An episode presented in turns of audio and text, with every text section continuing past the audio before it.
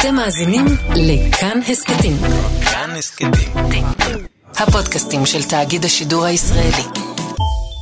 כאן רשת ב' יסנובץ היה מחנה השמדה בקרואטיה. הוא שכן כמאה קילומטרים דרומית-מזרחית לזגרב, והיה המחנה הגדול מסוגו בקרואטיה שתחת היטלר. הוא הוקם כחודשיים אחרי פלישת גרמניה לברית המועצות ופורק כחודש לפני כניעתה של גרמניה, כשלוש שנים וחצי מאוחר יותר. הוא הוקם על נהר הסבה, שאורי צבי גרינברג מזכיר בשירתו. ומבין עשרות אלפי הנרצחים שבו, הרוב המכריע היו סרבים. אחריהם היו הצוענים. במקום שלישי בין הנספים היו היהודים. אנחנו נזכיר כמובן גם את הסרבים וגם את הצוענים, אבל נתמקד ביהודים. ולו מתוקף העובדה שמחנה העבודה יסנובץ היה לסמל למדינת קרואטיה העצמאית ומשטר האוסטשה הרצחני שלה. שלא לומר סמל לכל יוגוסלביה שמזה 28 שנה כבר איננה קיימת. יהודי יוגוסלביה בימי השואה, אם כן. מביאים לשידור, כרגיל, יגאל בוטון וחדווה אלמוג, ניתוב השידור וההפקה בידיו הנאמנות של רוני נאור, אני יצחק נוי. נתחיל.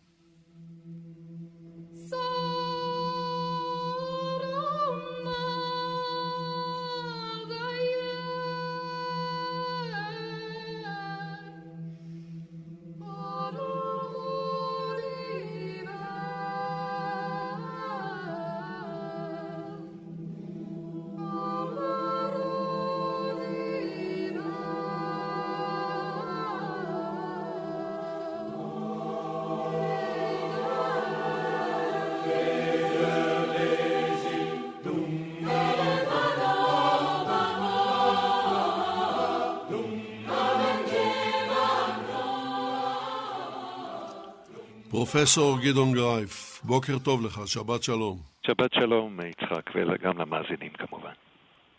פרופסור גרייף הוא מרצה בכיר בפקולטה ליהדות בקריה האקדמית אונו.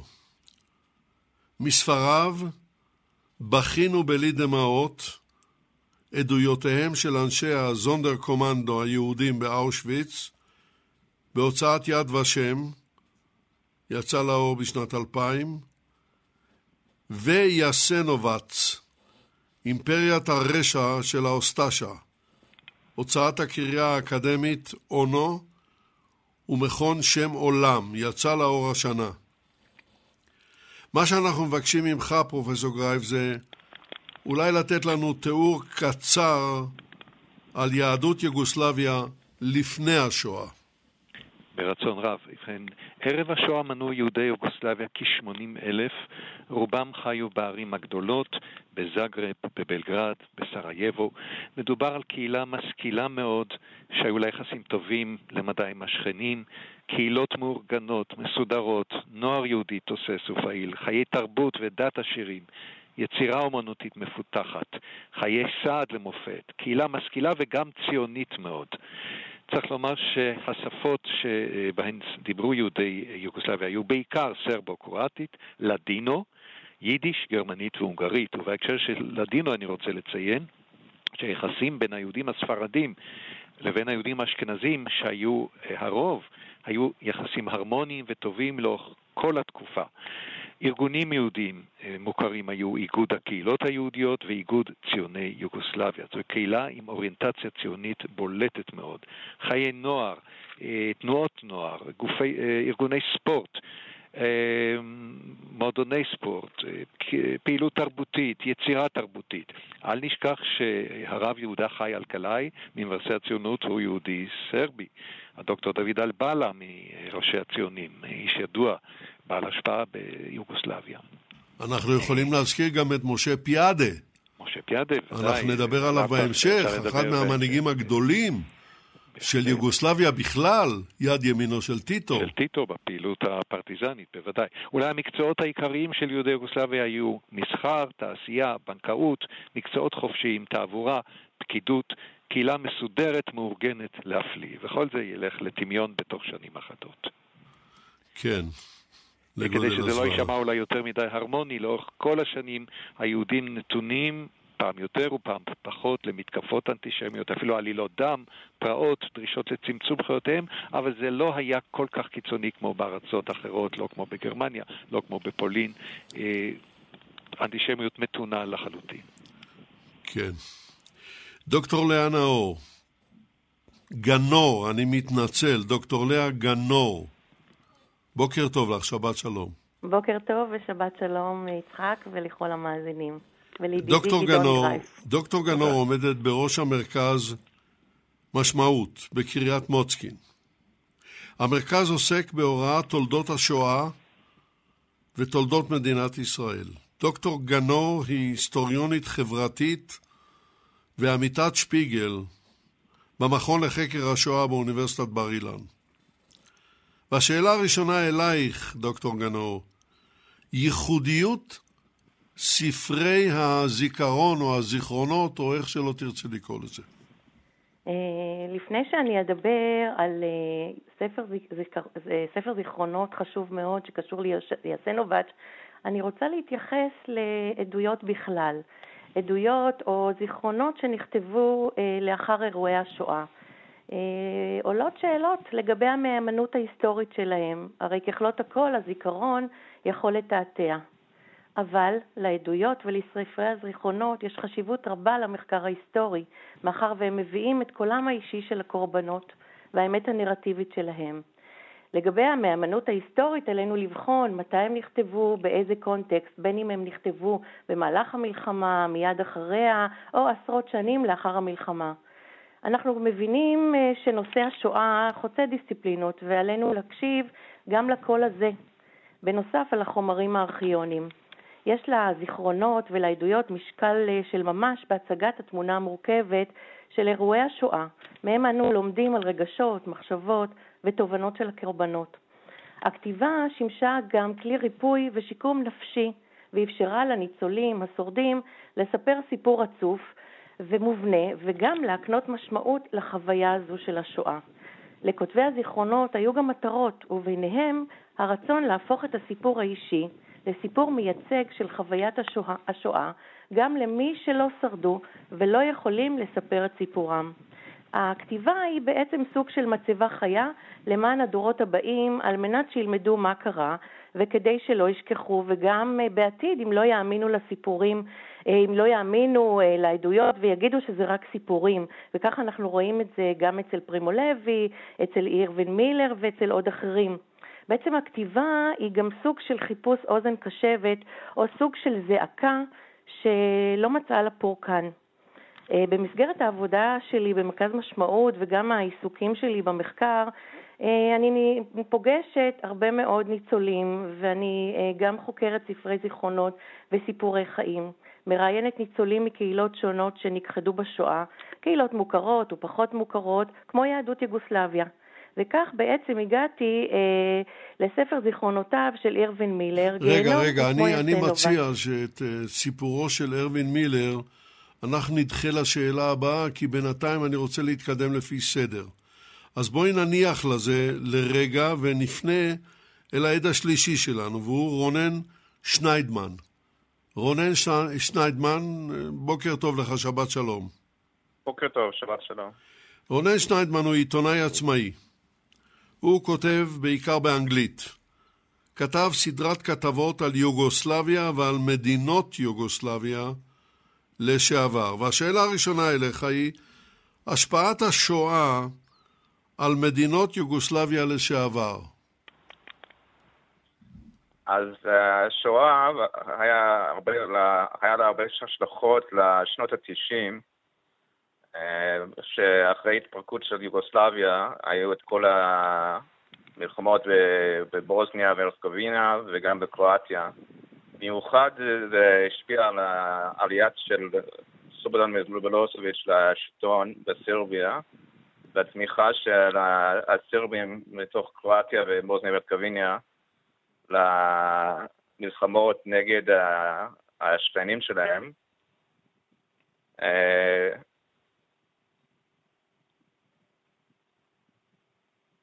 אתה איתנו? כן, כן. אז אה, אולי נשמע אותך. אז... אה, טוב, אתה יודע, בוא נמתין, אני אחזור אל פרופסור גדעון גרייף. כן, בבקשה. אתה תאסוף את עצמך, כמו שאומרים, ונמשיך בשידור. פרופסור גרייף. אני כאן. אה, אנחנו נעזוב את ימינו אלה. הם איומים ונוראים גם, אבל בצורה לגמרי אחרת, ונחזור אה, לימי השואה. אתה תיארת לנו את יהדות יוגוסלביה לפני השואה, אבל בוא נדבר על מדינת קרואטיה העצמאית, לא כולם מבינים מה זה, וקשריה עם גרמניה הנאצית. בוא ונשמע. אם כן, אה, הקרואטים חפצו להקים לעצמם מדינה וניצלו את הקוניונקטורה של אה, כיבוש יוגוסלביה כדי להקים לעצמם מדינה שכזאת.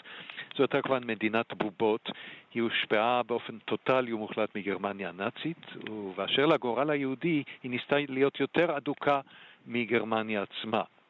הדבר המדהים הוא שכל הרדיפות והדחיקה האנטי-יהודית והצעדים האקטיביים נגד היהודים הקדימו בהרבה מובנים את גרמניה הנאצית. אפשר לסכם למעשה ולומר שהפתרון הסופי של השאלה היהודית בקרואטיה וגם בסרביה, הקדים את הפתרון הסופי הגרמני. הרדיפות נגד היהודים באותה מדינת בובות שנקרא, שנקראה מדינת קרואטיה עצמאית החלו כבר באפריל 1941 עם אה, הוצאתם ממעגלי החברה, עם אה, החרמת רכושם, עם כליאתם קודם של הגברים היהודים, אחר כך גם של הנשים והילדים. ההוצאות הראשונות להורג של יהודים אה, סרבים או קרואטים מתחילים הרבה לפני שגרמניה הנאצית מחליטה על רצח המוני של היהודים במסגרת מה שקרוי הפתרון הסופי, החלטה שהתקבלה על פי כל מה שאנחנו יודעים רק בשלהי 1941. כך שבהרבה מובנים הקרואטים רוצים להיות אדוקים יותר, קיצוניים יותר, רצחניים יותר וקטלניים יותר מאדוניהם הגרמנים. הם גם מושפעים מהגרמנים, מבקרים בגרמניה כדי להתרשם ממחנות הריכוז שם ומנסים ליישם את האידיאולוגיה הנאצית האנטישמית אה, במלוא תפארתה ומקימים לשם כך רשת של מחנות ריכוז והשמדה כדוגמת יס סנובץ, שבימים אלה, כלומר יולי 1941, אה, בונים אותו, מתכננים אותו, מקימים אותו, אה, רשת שהשתרעה על פני 240 קילומטר רבועים. ציינת בצדק בתחילת דבריך שרוב האסירים והמוצאים להורג היו סרבים, שנואי נפשם של הקרואטים, אה, וגם צוענים וגם יהודים. מספרם של היהודים שנרצחים במחנות יסנובץ, באותה רשת של מחנות ריכוז והשמדה, מגיע בערך ל-30 אלף. שאר יהודי יוגוסלביה נרצחו על ידי הגרמנים במחנות שהם הקימו בשטחים שהם כבשו צבאית ישירות. אם כן, קרואטיה היא מדינה שחיה בחסדה של אה, גרמניה, מנסה לחקות אותה, לעלות עליה, ומבצעת פשעים מחרידים באותה רשת שנקראת יסנובץ, שהשתרעה על שטח גדול פי שישה משטחו של מחנה הריכוז וההשמדה אושוויץ.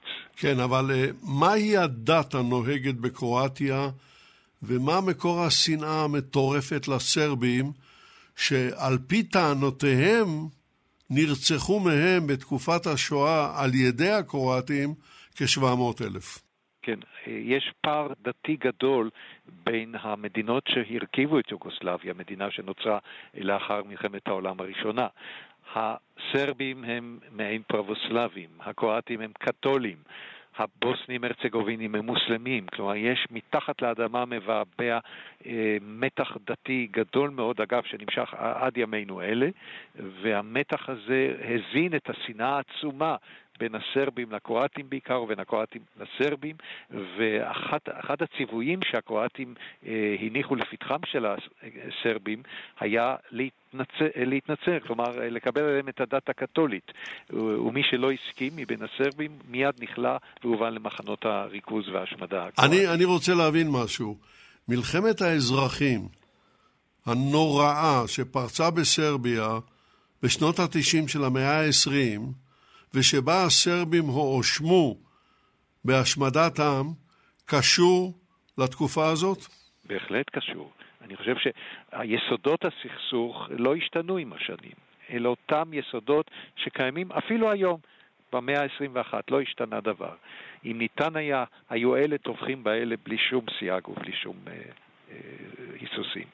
כלומר, אה, הבדלים מנטליים והבדלים דתיים וחברתיים. אלה היו קיימים ועודם קיימים. בין העמים השונים המרכיבים את הקונגלומרט הזה שהיה מדינת יוגוסלביה עד להתפרקותה בתחילת שנות ה-90. עוד שאלה אחת.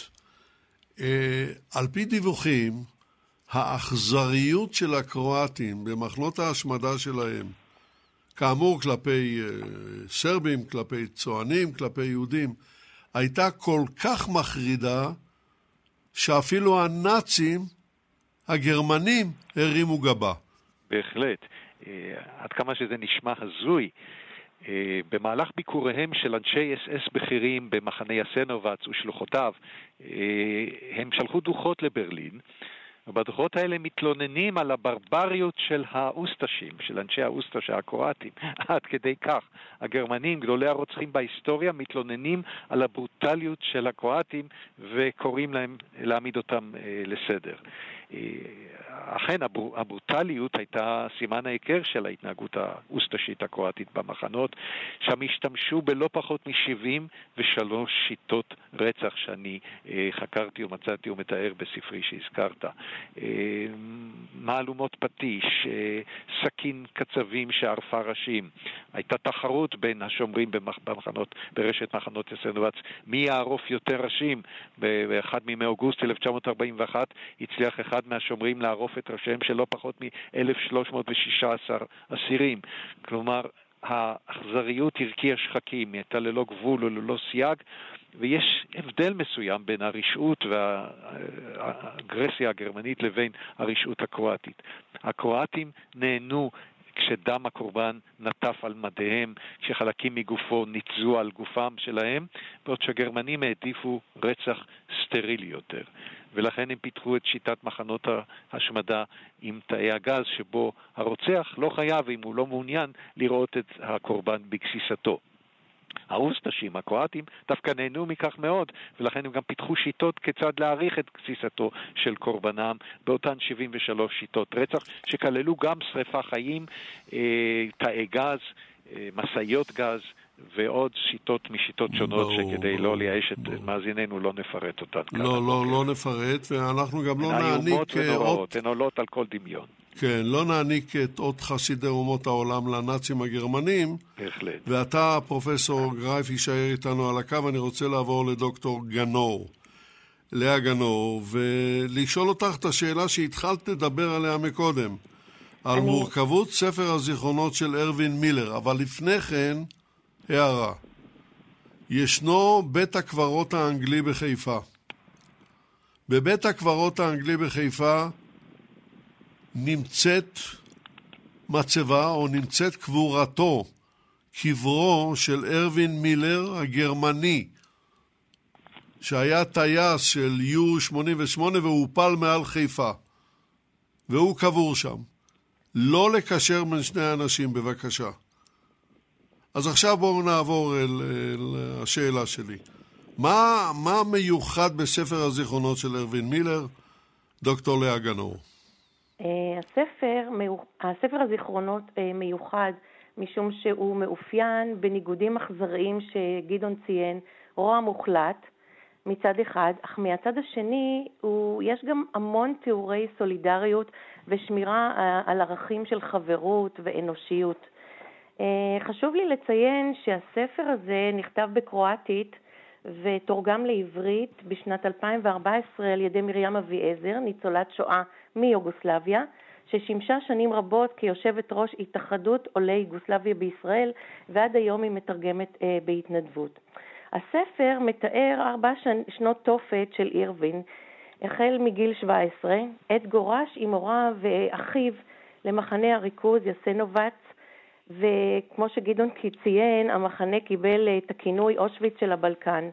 אירווין היה שם עד בריחתו מהמחנה עם קבוצת אסירים בשנת 1945. הזיכרונות שהוא, שלו נכתבו, הוא כתב אותם 40 שנה לאחר התרחשותם. הזיכרונות חדים ומפורטים. הוא מתאר בפרטים ובתיאורים את מעשי האכזריות וחיי היומיום במחנה. הוא נמנע מרגשנות וצנזורה מחד, אך מאידך הוא תיאר בעדינות ורגישות את היחסים בין האסירים במחנה ובין בני משפחתו. לאורך כל הספר יש תיאורים קשים של רצח, עינויים כמו שכבר גדעון אה, דיבר, אני לא אחזור על זה, אה, ומאוד קשה לקרוא אותו. יחד עם זאת, זו עדות חשובה על מחנה שאינו מוכר. אה, למילר היו מספר מניעים לפרסום זיכרונותיו, וזה מתקשר גם לאקטואליה, וזה מתקשר גם אה, לשנות התשעים ולמאבקים האתניים אה, שהיו ביוגוסלביה, כמו שכבר ככה שמענו. חשוב אבל לומר שהוא פחד שלא יאמינו למה, ש... למה שהוא מספר וישכחו. וזה היה איזשהו גורם אה, אה, שהאיץ בו לפרסם את זיכרונותיו. הוא חש שהוא יכול לדבר בשם הקורבנות, הוא גם הרגיש שהוא יכול לספק מידע ממקור ראשון ולהזכיר באמצעות הכתיבה לכל אלה ששכחו את האירועים אה, שהתרחשו במחנה הזה. אה, הוא הדגיש שהוא כותב בשמו ועל החוויה האישית שלו. ולא אה, מה ששמע מפי אחרים. הוא גם הרגיש אחריות על הזיכרון של מה שאירע אה, במחנה. בזמן המלחמה הוא רשם רשימות שהיו מעין יומן, שהיה מורכב ממכתבים שכתב כמעט בכל יום לאימו.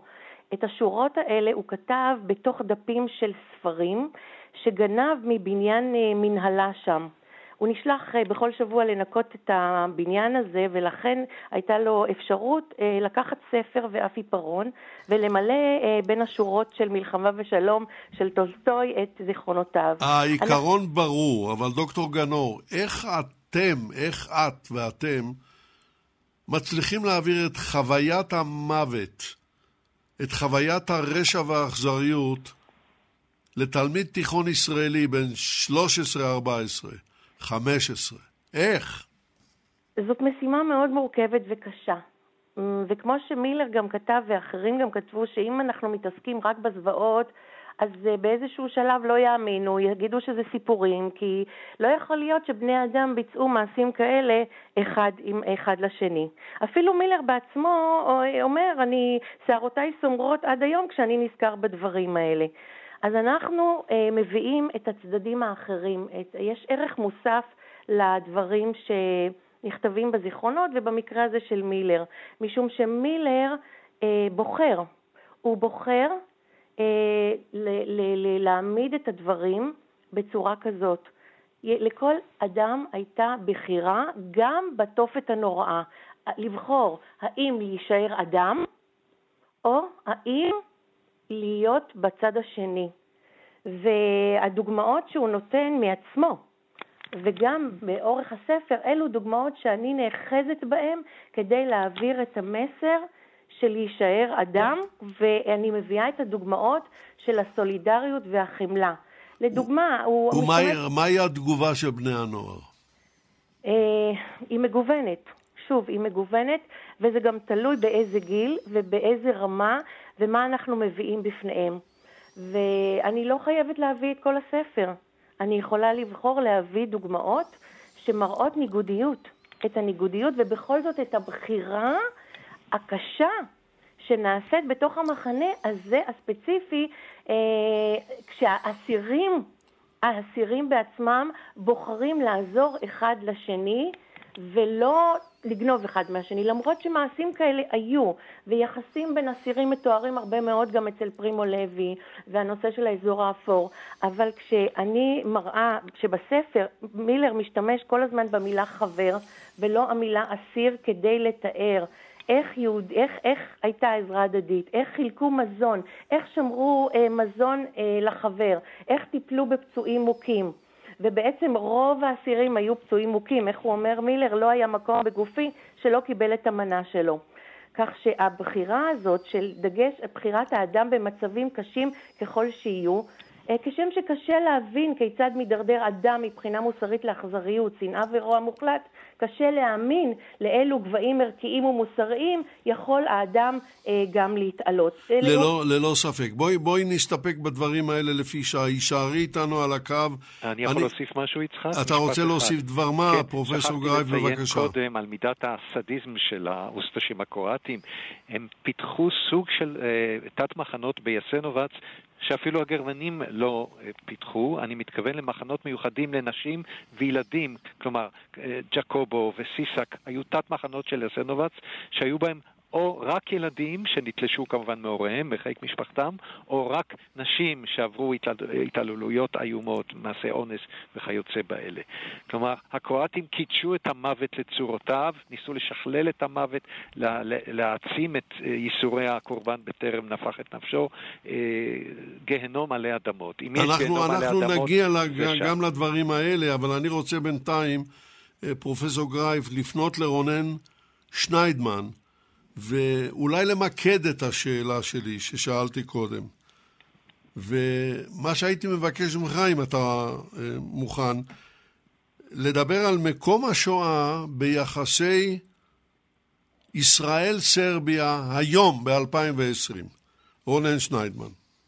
כן, אז אה, זה תרם ליחסים הרבה יותר טובים ממה שהיה בעבר, כשהיה יוגוסלביה קיים, המדינה היה חלק של ה-Non-Aligned Movement, שהיה נגד ישראל, אה, ובאיזשהו שלב אה, ביטל את היחסים שלו עם ישראל.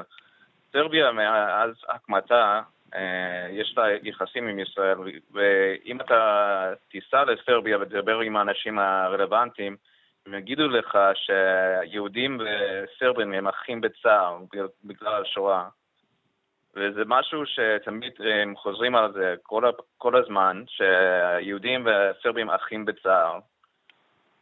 אז אה, זה משהו שגם בשפה דיפלומטית, שאתה שומע מהשגרירים ואנשי מקצוע של השירות הדיפלומטי של, המדינות, של שתי המדינות, הם גם, אה, זה משהו שאומרים בכל טקס, בכל מה שיהיה. אז זה בנה, זה בנה את השטח לדברים אחרים, כי היחסים הכלכליים או אה, של הצבאיות הן פחות מפותחות, אז, אז אה, מה שזה נתן זה כאילו דבר שאפשר לבנות עליו דברים יותר מורכבים. כן, אני, אני מניח שהשאלה המתבקשת היא, ישנה עוד מדינה הרי, ישנן כמה מדינות. מה, מה על רקע השואה, מה עם יחסי ישראל-קרואטיה של היום? אז היחסים בין ישראל לקרואטיה הם גם יחסית טובים, אבל זה יותר קשור למכירות של נשק והמכירה של המטוסים לפני כמה שנים והשתתפות במבצעים או אה, תרגילים צבאיות.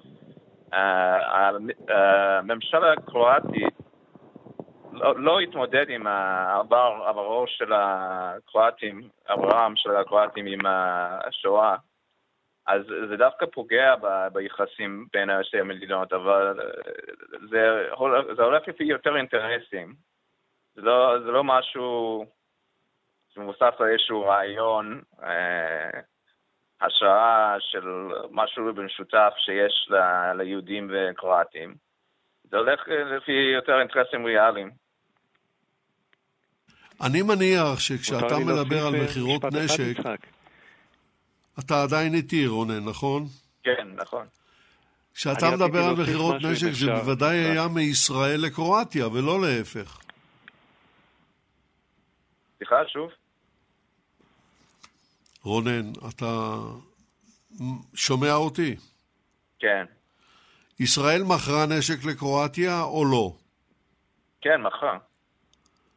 אז כמה מילים על זה. האם אתה כעיתונאי, למשל, יצא לך לדבר עם קרואטי ולשאול אותו מה היה אז? איך אתה מסביר את זה? סרבי היה לו אותו גורל שהיה ליהודי, אבל לא הרי כן כשמדובר בקרואטי. אתה כעיתונאי בוודאי התעניינת. נכון. אז אולי תוכל לומר לנו מילה או שתיים על זה. אז uh, הקרואטים הם פשוט לא, זה כמו גרמנים, אבל יותר, uh, יותר מוגזם. הם לא, לא אוהבים לדבר על השואה כשאתה מתייחס על זה. זה משהו ש... זה יותר משהו פנימי שם. Uh, שניסיתי לדבר עם כמה אנשים שם, זה לא התייחסו כל כך לשאלה. יצחק, מותר לי להוסיף uh, כמה היבטים בהקשר הזה? בבקשה, פרופסור כן. גרייף. יש הבדל עצום, uh, אם אנחנו לוקחים את קרואטיה, של אחרי המלחמה והשואה, ובין גרמניה. בעוד שהגרמנים מכירים באשמתם, ועומדים מאחורי אחריותם לשואה ולמלחמה. הקרואטים עד היום מסרבים לעשות את זה באופן שיטתי. יש גילויי סגידה והערצה למפלגה, לאידיאולוגיה האוסטשית. הם ממשיכים אפילו להשתמש באותו, באותה סיסמה, נדום ספרדני, שהיא מעין הייל היטלר הגרמני. כלומר, בניגוד לגרמניה, שכן מכירה באחריותה לשואה, הקרואטים באופן אה, שיטתי מסרבים לעשות זאת, ואין ספק שהדבר לא גורם קורת רוח אה, לא ליהודים ולא למדינה היהודית, וזו בעיה. כל עוד הקרואטים אה, יסרבו להכיר באחריותם לפשעים שהם ביצעו בימי המלחמה, אז אנחנו נעמוד בפני בעיה גדולה מאוד. כן, אבל היחסים בין שתי המדינות, אני מבין, הם בסדר גמור היום. נכון. ושמענו מרונן שניידמן שישראל בשלב מסוים אפילו מכרה נשק ל... לקרואטיה.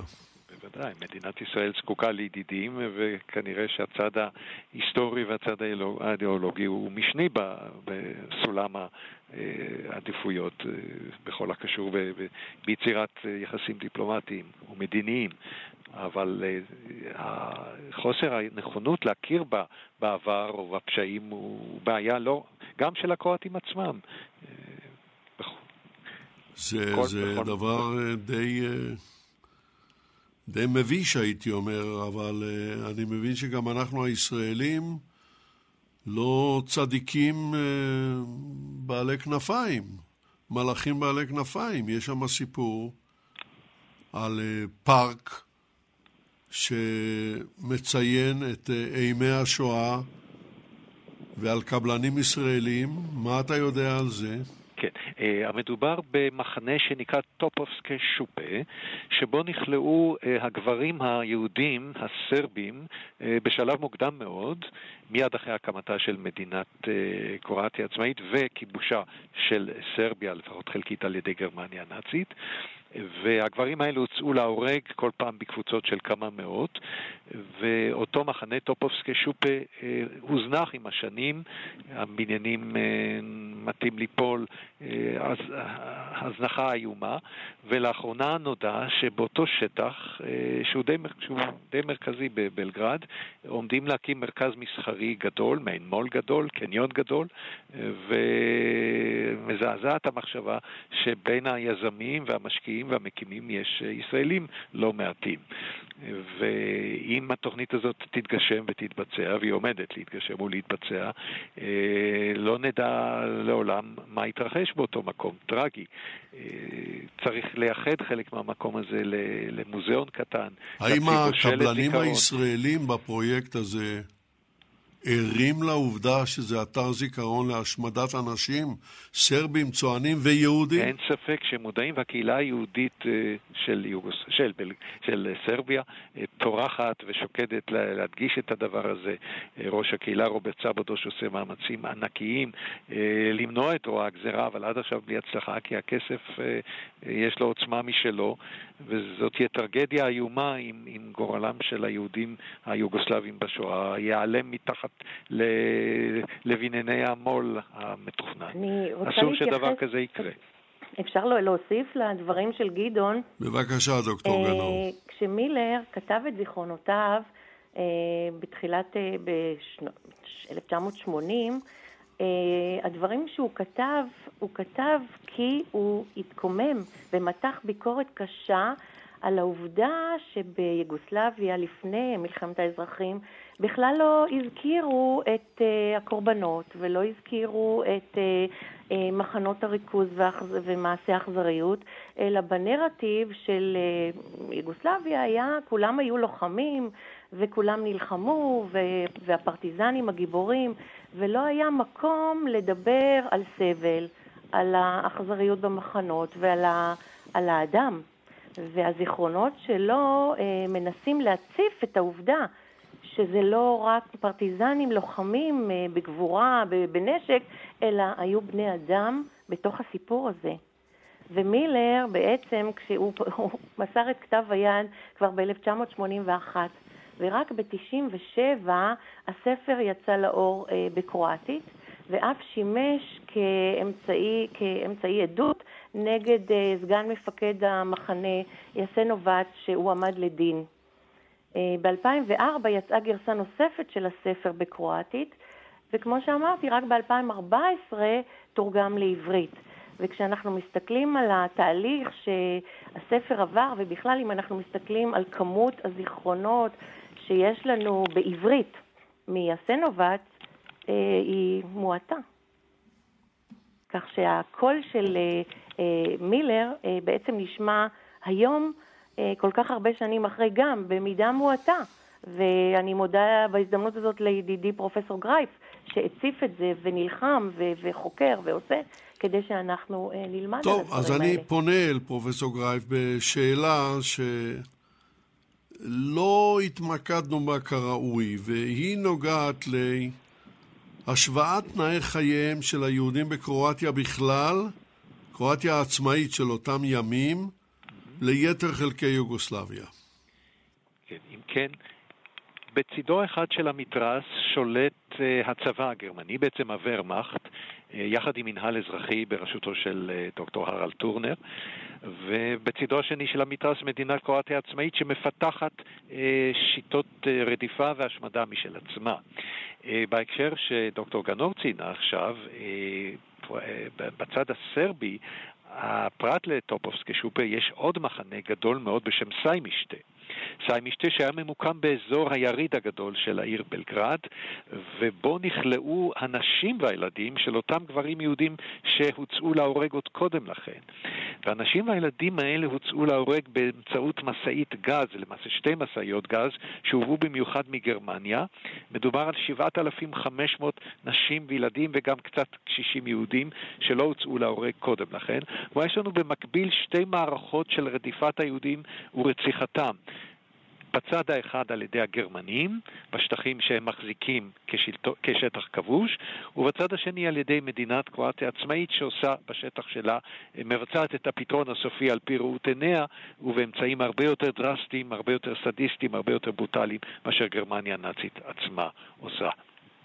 כן, אני לא הייתי רוצה ש... משני, רק אולי להשלים משפט אחד, כתוצאה מהלפיתה הזאת משני הצדדים, אה, יוצא שיהדות אה, יוגוסלביה הייתה, שיוגוסלביה הייתה בעצם הראשונה שהייתה יודנפריי, וכותב את זה גם המושל הצבאי, טורנר, הוא אומר, אה, פרט ללטביה, אנחנו המדינה הראשונה באירופה שהיא משוחררת ונקייה מיהודים. כלומר, הפתרון הסופי הוגשם עוד לפני שהוחל בגרמניה עצמה. כן, אני לא הייתי רוצה שניפרד, וזמננו הולך וקצר, לפני שתאמר מילים אחדות על אותה דמות מופלאה, משה פיאדה, שיש לו קרובים בישראל. נכון. בוא ונשמע. משה פיאדה היה האידיאולוג הראשי של תנועת הפרטיזנים של טיטו, הוא היה מקורב לטיטו, היה סגנו של טיטו. הוא לא היה לוחם קרבי, אבל הוא היה האיש שקבע את חוקת הפרטיזנים. הנאומים שלו שלהבו את הפרטיזנים, הוא דמות נערצת, ואין ספק שהמאבקים ההירואיים של הפרטיזנים היוגוסלביים קשורים הרבה מאוד באישיותו. הוא היה נואם מזהיר, הוא היה פובליציסט מזהיר, הוא היה עיתונאי מזהיר, ודמותו חקוקה בתולדות המאבק היוגוסלבי העממי הפרטיזני עד עצם היום הזה. אה, פסלים שלו מוצבים בכיכרות בלגרד ובערים אחרות, אה, ויהדותו כלל לא הייתה לו לרועץ. מהצד השני הגרמנים הציבו פרס עצום על מי שילכוד את משה פיאדה חי או מת. למזלנו הרב זה לא קרה, והם דווקא הבליטו את יהדותו. הפרטיזנים של טיטו לא דיברו על כך בכלל, הוא היה בשר מבשרם. כלומר, הוא איש מרכזי מאוד בתולדות תנועת הפרטיזנים היוגוסלבית, וגם אחרי הקמתה של יוגוסלביה הוא שיחק תפקיד מרכזי כ- כקומוניסט אה, מושבע, הוא היה יושב ראש הפרלמנט היוגוסלבי, ואפשר גם לציין את תרומתו למדינת ישראל בשנות החמישים. אה, עשרות אלפים מיהודי יוגוסלביה שהורשו לעלות לארץ, הרבה בזכותו. העובדה שנשק צ'כי הוא עבר באופן חופשי דרך שטחה של יוגוסלביה, יוגוסלביה ועזר לנו מאוד במלחמת העצמאות. זה גם כן לזכותו. הוא גם ריכך כמה החלטות של ממשלת יוגוסלביה אה, לטובת מדינת ישראל. כלומר, הוא היה יהודי חם. אגב, הוא גדל בבית אה, דתי, מסורתי, שבו דיברו לדינו. איש מעניין מאוד, נטוע עמוק מאוד בהיסטוריה של אה, יוגוסלביה, ויש לו מעריצים רבים מאוד, הוא דמות נערצת, פופולרית עד עצם היום. אתה יודע מה, פרופסור גרייף, עלה בדעתי שהוא דומה לאישה אחת באותן שנים, אנה פאוקר ברומניה. נכון.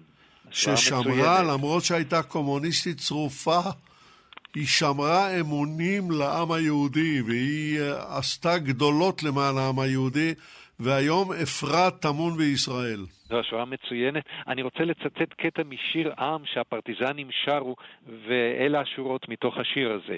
בא משה מסרביה, עובר את הרי רומניה להכות בשוואבים. מי הם השוואבים? הגרמנים כמובן. כלומר, הוא נחשב לגיבור עממי, גיבור לאומי, והעובדה שיהדותו לא הייתה לו לרועץ, היא, היא בוודאי מדברת לטובתם של הפרטיזנים שקיבלו אותו כפי שהוא, והוא היה בעצם מספר שתיים לאחר טיטו. כן. בהיררכיה של הפיקוד הפרטיזני ביוגוסלביה. דוקטור גנור, כמה מילים על הנקמה ועל הסליחה. מילר מתמודד עם השאלה איך אדם יכול להשיב לעצמו את האנושיות אחרי הזוועות שחווה. והספר מסתיים בדברים, שהוא, אה, בדברים שאמר לאשתו, שעמדה פעורת פה לנוכח יחסו אה, לאחר המלחמה אל קרואטי שהיכה אותו במהלכה, ואל שבוי גרמני שאותו אסף אל ביתם, הוא הכיל והלביש. איך יכולתי להסביר לה, כותב מילר, שנשבעתי לא לנקום, ולא לאן מועדות פניה של האנושות אם השנאה תמשיך לבעור בליבנו. מילר בוחר בסליחה ולא בנקמה. יחד עם זאת, רובן בנו סיפר לי שכשילד ראה תמונה אצל אביו, בתמונה נראה אדם תלוי ומסביבו אנשים. לימים אמר לו אביו שזו נקמתם של האסירים באוסטשי שהתאכזר אליהם ולא פירט יותר. בעצם אה, הבחירה של אה, מילר משפיעה גם על האופן שבו הוא מחנך את ילדיו, למרות שהוא לא מספר כלל, וילדיו לומדים על אה, מה שהוא חווה בשואה רק מהספר שתורגם ב-2014. והוא גם סיפר לי, בנו, שהאב היה אדם מאוד דומיננטי בחברה, אבל בבית הוא היה צנוע, שקט ומופנם. המסר שהוא העביר לילדיו זה קודם כל תהיה אדם, והיום הבן אומר שלמרות הזוועות, אה, מילר הצליח להקים משפחה ולטעת בילדים שלו ערכים של אמונה באדם ושוויון בין בני אדם ללא הבדל דת, גזע, מין והעדפה מינית. וזאת נקודה אה, מאוד חשובה. אה, הוא זוכר כילד, בנו, את היחס של אביו להומואים. יחס של שוויון בתקופה שבכל זאת לא כל כך דיברו ולא היו כל כך פתוחים. הבחירה של מילר בסליחה ולא בנקמה היא בחירה שאני מוצאת uh, אצל לא מעט uh, ניצולי שואה וגם בספרי זיכרונות. וזאת נקודה שצריך בהחלט ראויה לדיון. אולי גדעון לא יסכים איתי בעניין הזה, אבל אני מאמינה שהנקמה אה, לא מאפשרת לחיים להמשיך, והסליחה מנקה את, ה, אה, את מה שמרגישים ואפשר להמשיך הלאה. אז אה, אני חושבת שהבחירה של מילר היא בחירה בעיניי ערכית ומאוד חינוכית, ואם ילדיו הצליחו לקלוט את המסר הזה למרות שהוא היה אדם שקט ולא דיבר, ולמרות שהוא חזר לסרביה, וח...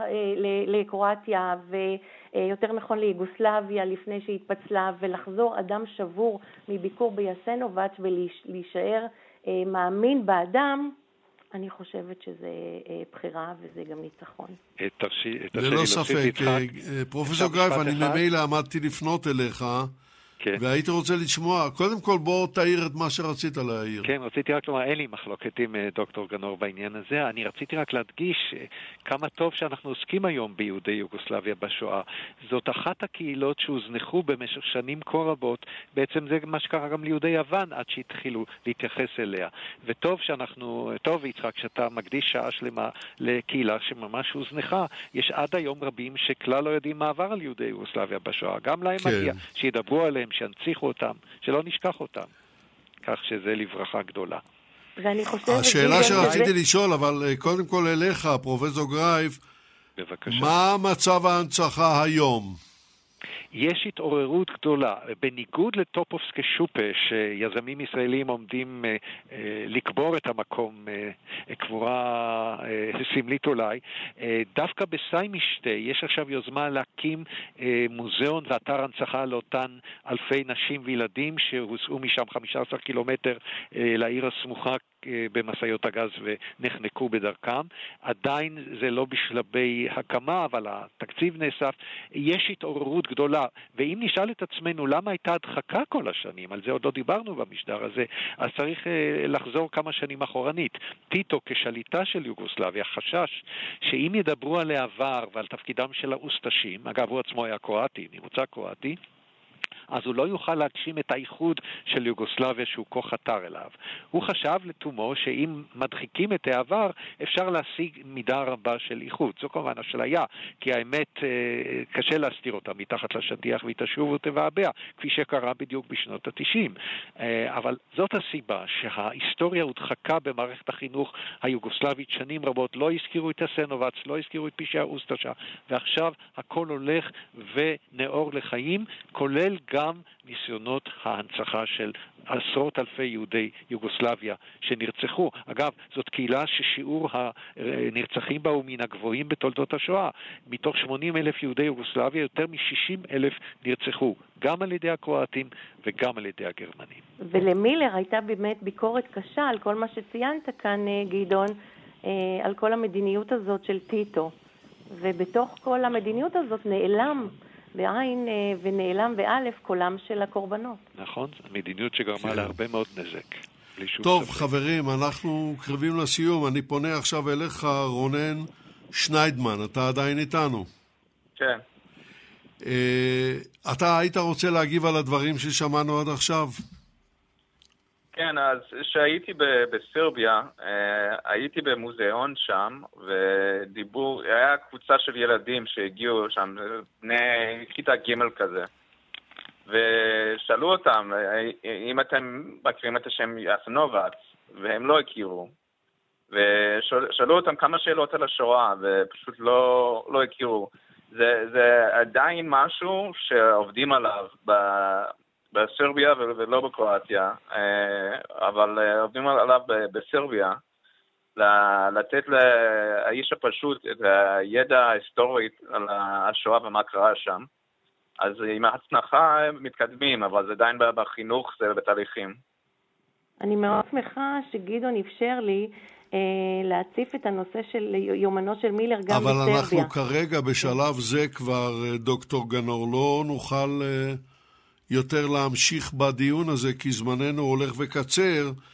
אז אני הייתי ברשותכם רוצה לעבור לשלב השאלה הזהה, ואני פונה קודם כל אליך, רונן שניידמן. מה היית מבקש שהמאזינים ילמדו מהשידור הזה?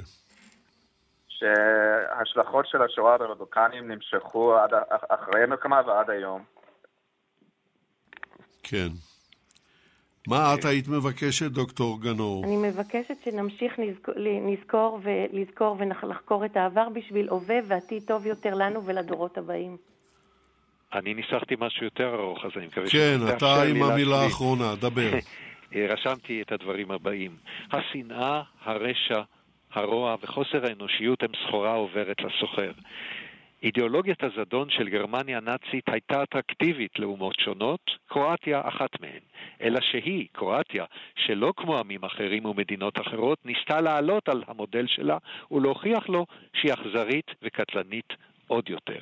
ולצערנו, לדאבון ליבנו, הדבר הזה עלה בחייהם של מאות אלפים חפים מפשע, מאות אלפי סרבים וכ-30 אלף יהודים בקרואטיה, במחנות יסנובט שעליהם דיברנו היום. תודה רבה גם לך, פרופסור גדעון גרייף, חברים וחברות. עד כאן להפעם. יהודי רבה. יוגוסלביה בשואה.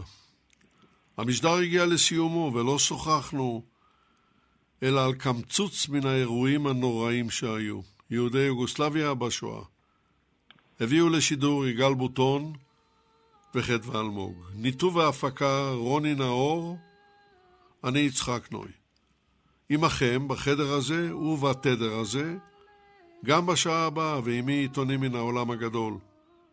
יישארו עמנו לעוד שעה של הרחבת הדעת כאן מיד אחרי החדשות.